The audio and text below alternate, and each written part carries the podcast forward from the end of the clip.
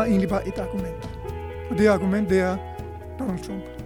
Det er hans argument. Mit navn er Jens Schelsen. Jeg jobber som professor på informations- og medievidenskab her på Universitetet i Bergen.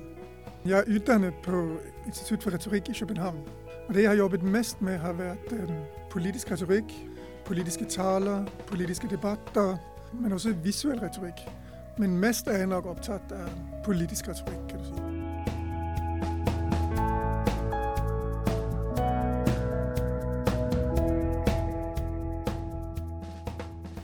Hvorfor skal vi stemme på Trump? Fordi han er Trump. Han har jo nogle argumenter, som kan minde om rationelle Lukas argumenter. For eksempel, jeg skal bygge en myr. Nu kan man sige mye om det, for eksempel, at det bliver en helt umulig opgave at gøre.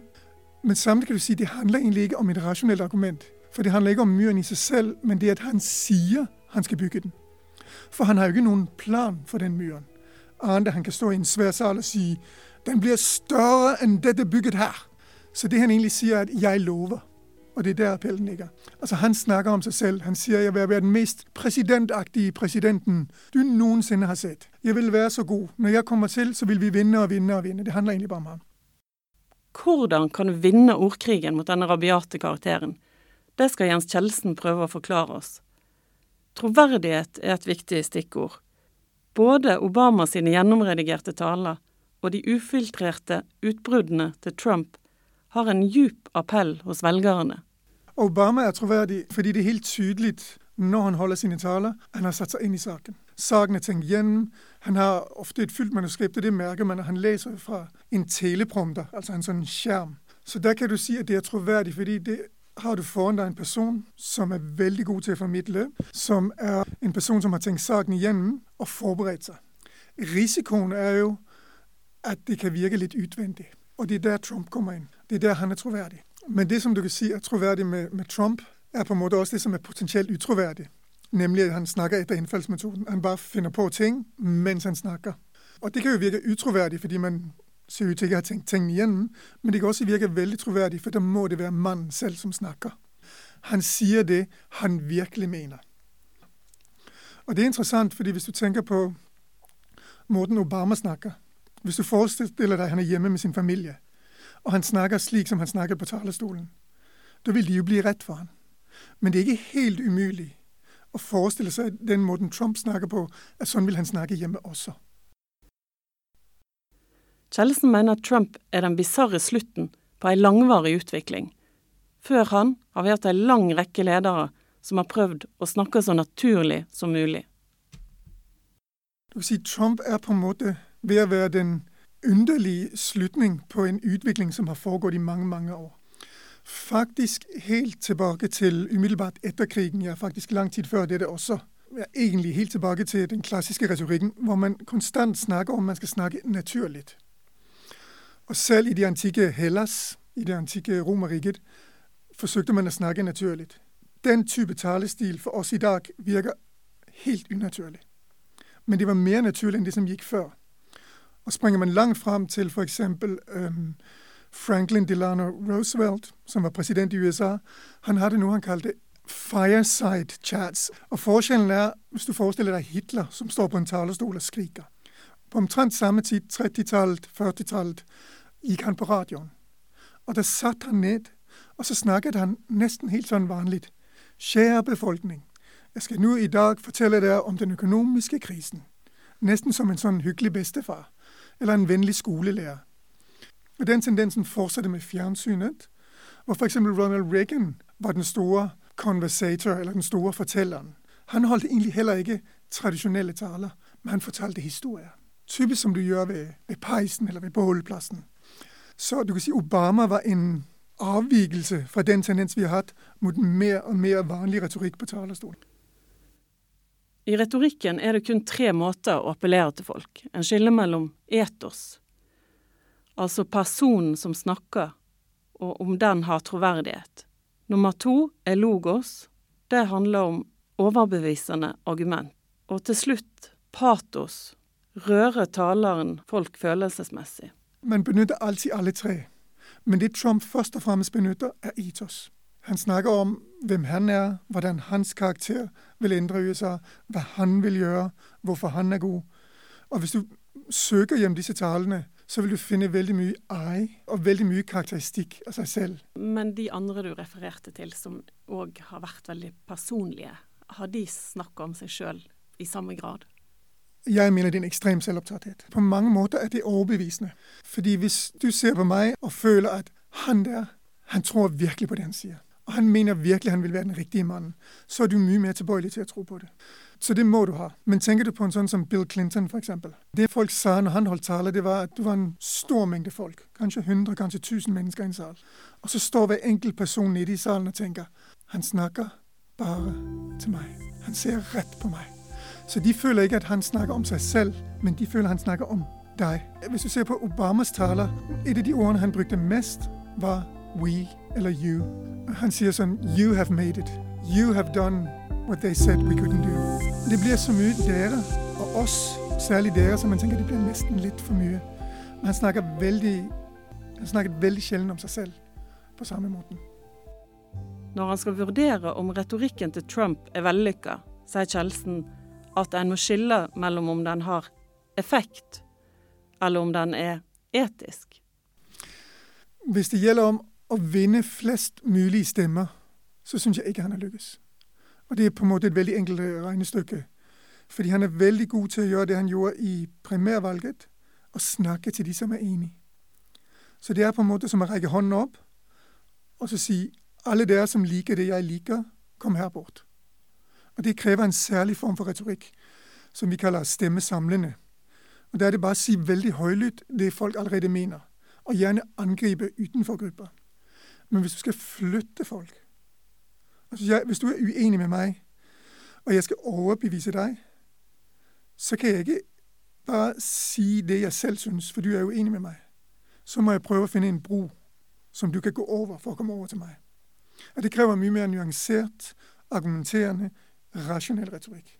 Altså mer logos og mindre etos og patos. Ville du sagt at han har en barnslig retorikk? Ja, det vil jeg sige. Når jeg nøler når jeg siger det, så høres det jo ikke veldig videnskabeligt. Men øh, hvis du ser på hvordan børn snakker, barn er jo kolossalt selvcentrerede. De sier hvad som falder dem ind. De udtrykker umiddelbart sine egne følelser. De har ikke nogen mulighed for at kontrollere sine følelser og sine tanker, men vil sige ting og gøre ting som kanskje ikke er særlig strategisk klogt. Og jeg mener det er det han gør. Altså Mange af de ting han har sagt, har været strategisk uklogt. Og det de har forsøgt at gøre i hans kampagne, det er jo og få han til at læse op fra teleprompter, altså fra skjerm, med faste taler. Så han ikke siger nu, som han bare kom på i farten. Men hvis du lægger mærke til når han gør det, så siger han nogle gange, 'and by the way', eller 'og forresten'. Og så kommer han til at sige nu, som ikke står i manuskriptet, og som han kanskje ikke skulle have sagt, men han kan bare ikke hjælpe for det. Og så siger han det alligevel. Men hvorfor i alle dager har en barnslig, sjølsentrert bølle nådd så langt at han kan bli den neste presidenten i USA?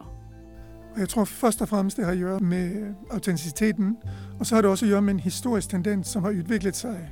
fra Bill Clinton og lidt før det, hvor partiene har udviklet sig i en vældig stærk polarisering. Hvis du har været i USA og har sett eksempel Fox News, så vil du se hvor kolossalt polariseret det er hvor de utelukkende driver med det som jeg før kalte stemmesamlende. Og Det vil altså si de sier utelukkende veldig negative ting om demokratene, og alle som har et motsatt syn. Mange av de republikanere som var med i primærvalget, vil ikke gå så langt som Trump. Men på mange måter er det bare en forlengelse av måten de har snakket mange år. Men det var jo snakk om at han til og med trua Hillary Clinton. Hva vil du si om en sånn type retorikk? Altså, jeg mener den er helt forkastelig. Og som sagt så mener jeg at den er en forlængelse af den retorik, man har haft i mange år. På Fox TV, altså den konservative radiokanalen, da jeg boede i USA og fylte den, der var f.eks. en demokrat inde i Fox TV på The Hannity Show. Han er en af de mest konservative politikere i, i, i TV. Og han kaldte den demokraten for en lobotomert snakkeidiot. Og når man først har begynt å snakke sådan, så er det langt vej til den måde, uh, Trump snakker på. Jeg er usikker på om han mente det som en slags direkte opfordring. Det ville jo være fenomenalt idiotisk at sige noget sånt. Jeg tror mer det er et udtryk for Trumps karakter. At han, som vi snakkede om tidligere, han er næsten som et barn. Han siger bare ting. Hvis han blir valgt og fortsat med den retorikken, hvordan vil det ta seg ut når han skal ut og brøle til Iran. Det vil jo bli dypt problematisk. Særlig i utenrikspolitikk. Enhver som har jobbet i et utenriksministerium, vet jo som taleskriver f.eks. at man skal være veldig veldig forsiktig med talene. For bare en endring i tonen blir lik med en endring i politikken. Så det skal ikke mye til, så har du endret en politikk, og så kan det oppstå konsekvenser av det. Og Jeg tror det er derfor mange politikere, forskere, også republikanske politikere i USA, er så urolige for Trump. Fordi måten han snakker på, hele hans retorikk, er jo sånn som man vet ikke hva som skjer. Så jeg tror det kan få alvorlige konsekvenser. Men selv om Kjeldsen tegner opp bildet av en farlig mann, er det likevel høgst usikkert om Hillary Clinton kan vinne. Hun må utvide sin retoriske appell. Eh, Hillary Clinton sier, og legg merke til det når du hører hun snakke, my five step plan. Her er mine fem trinn. Her er min plan mot arbeidsløsheten. Og det er jo vældig interessant, fordi hun er kanskje den mest kendte politikeren i USA, nulevende politiker, overhovedet. Og likevel så føler folk at de ikke rigtig kender hende. Jeg tror det som er det afgørende problemet med Hillary Clinton, er ikke hendes kompetence. Alle anerkender hendes kompetence. Men de stiller spørgsmålstegn ved hendes karakter. Altså De stiller spørgsmålstegn ved om hun vil det bedste for befolkningen, eller om hun bare forsøge at gøre dette for sig selv. Og Jeg tror ikke det. Jeg har snakket med folk som har jobbet for hende. Hvis du snakker med folk som har været i hennes nærhed, så er de helt fortabt i henne. Sier hun har veldig stort hjerte, fortæller om konkrete eksempler hvor hun øhm, ser folk veldig tydeligt. Så hun er fenomenalt god på små sætninger, men ikke så god på store sætninger. Men kan hun vise nu af det i offentligheden? Og så er det hun har et hjerte, at hun vil det bedste for folk, så vil hun øhm, kunne utvide sin appell. At han kjemper mot en kvinnelig kandidat, hvordan tror du det har påvirka hans retorikk? Selv om det høres rart ut, så vil jeg ikke si at han, øhm, han er antifeminist. Han er bare anti alle motstandere. Om de er kvinner eller hva det er, så er han like ondsinnet overfor alle. Det kan godt være han har et spesielt syn på hvordan han og konen hans skal leve, men, men i det offentlige ordskiftet der er han like slem mot alle. Så han er opptatt av at det skal være så vondt som mulig for den han angriper. Den krigeraktige retorikken til Donald Trump kommer til å bli hans bane, spår Jens Kjeldsen. For til slutt blir du gjennomskua. Du kan ikke lure alle hele tida. Jeg tror det blir det. Og jeg tror det er på vei til å bli det. Det er på en måte grenser for hvor mye man kan si. Grenser for hvor mange ganger du kan si det. Og grenser for hvor mange mennesker som vil avfinne seg med at du snakker alle de ting, han har sagt, begynner å få konsekvenser nå. Altså Helt tilbake til primærvalget, hvor han snakket om en kvinnelig programleder som angiveligt har menstruation, var det jo et problem. Men åpenbart ikke problem nok til at han ikke vant primærvalget. Men nå har vi et mye større spekter av mennesker som kan stemme på ham. Og da begynner alle de ting han har sagt, å samle seg sammen og tegne et bilde av en øh, utilregnelig og ganske så ufyselig mand. Og det er lidt som en, en tidligere præsident har sagt, at du kan, øh, du kan lyre nogle af menneskene nu af tiden. Men du kan ikke lyre alle menneskene hele tiden. Jeg tror det kommer til at gjelde for Donald Trump også.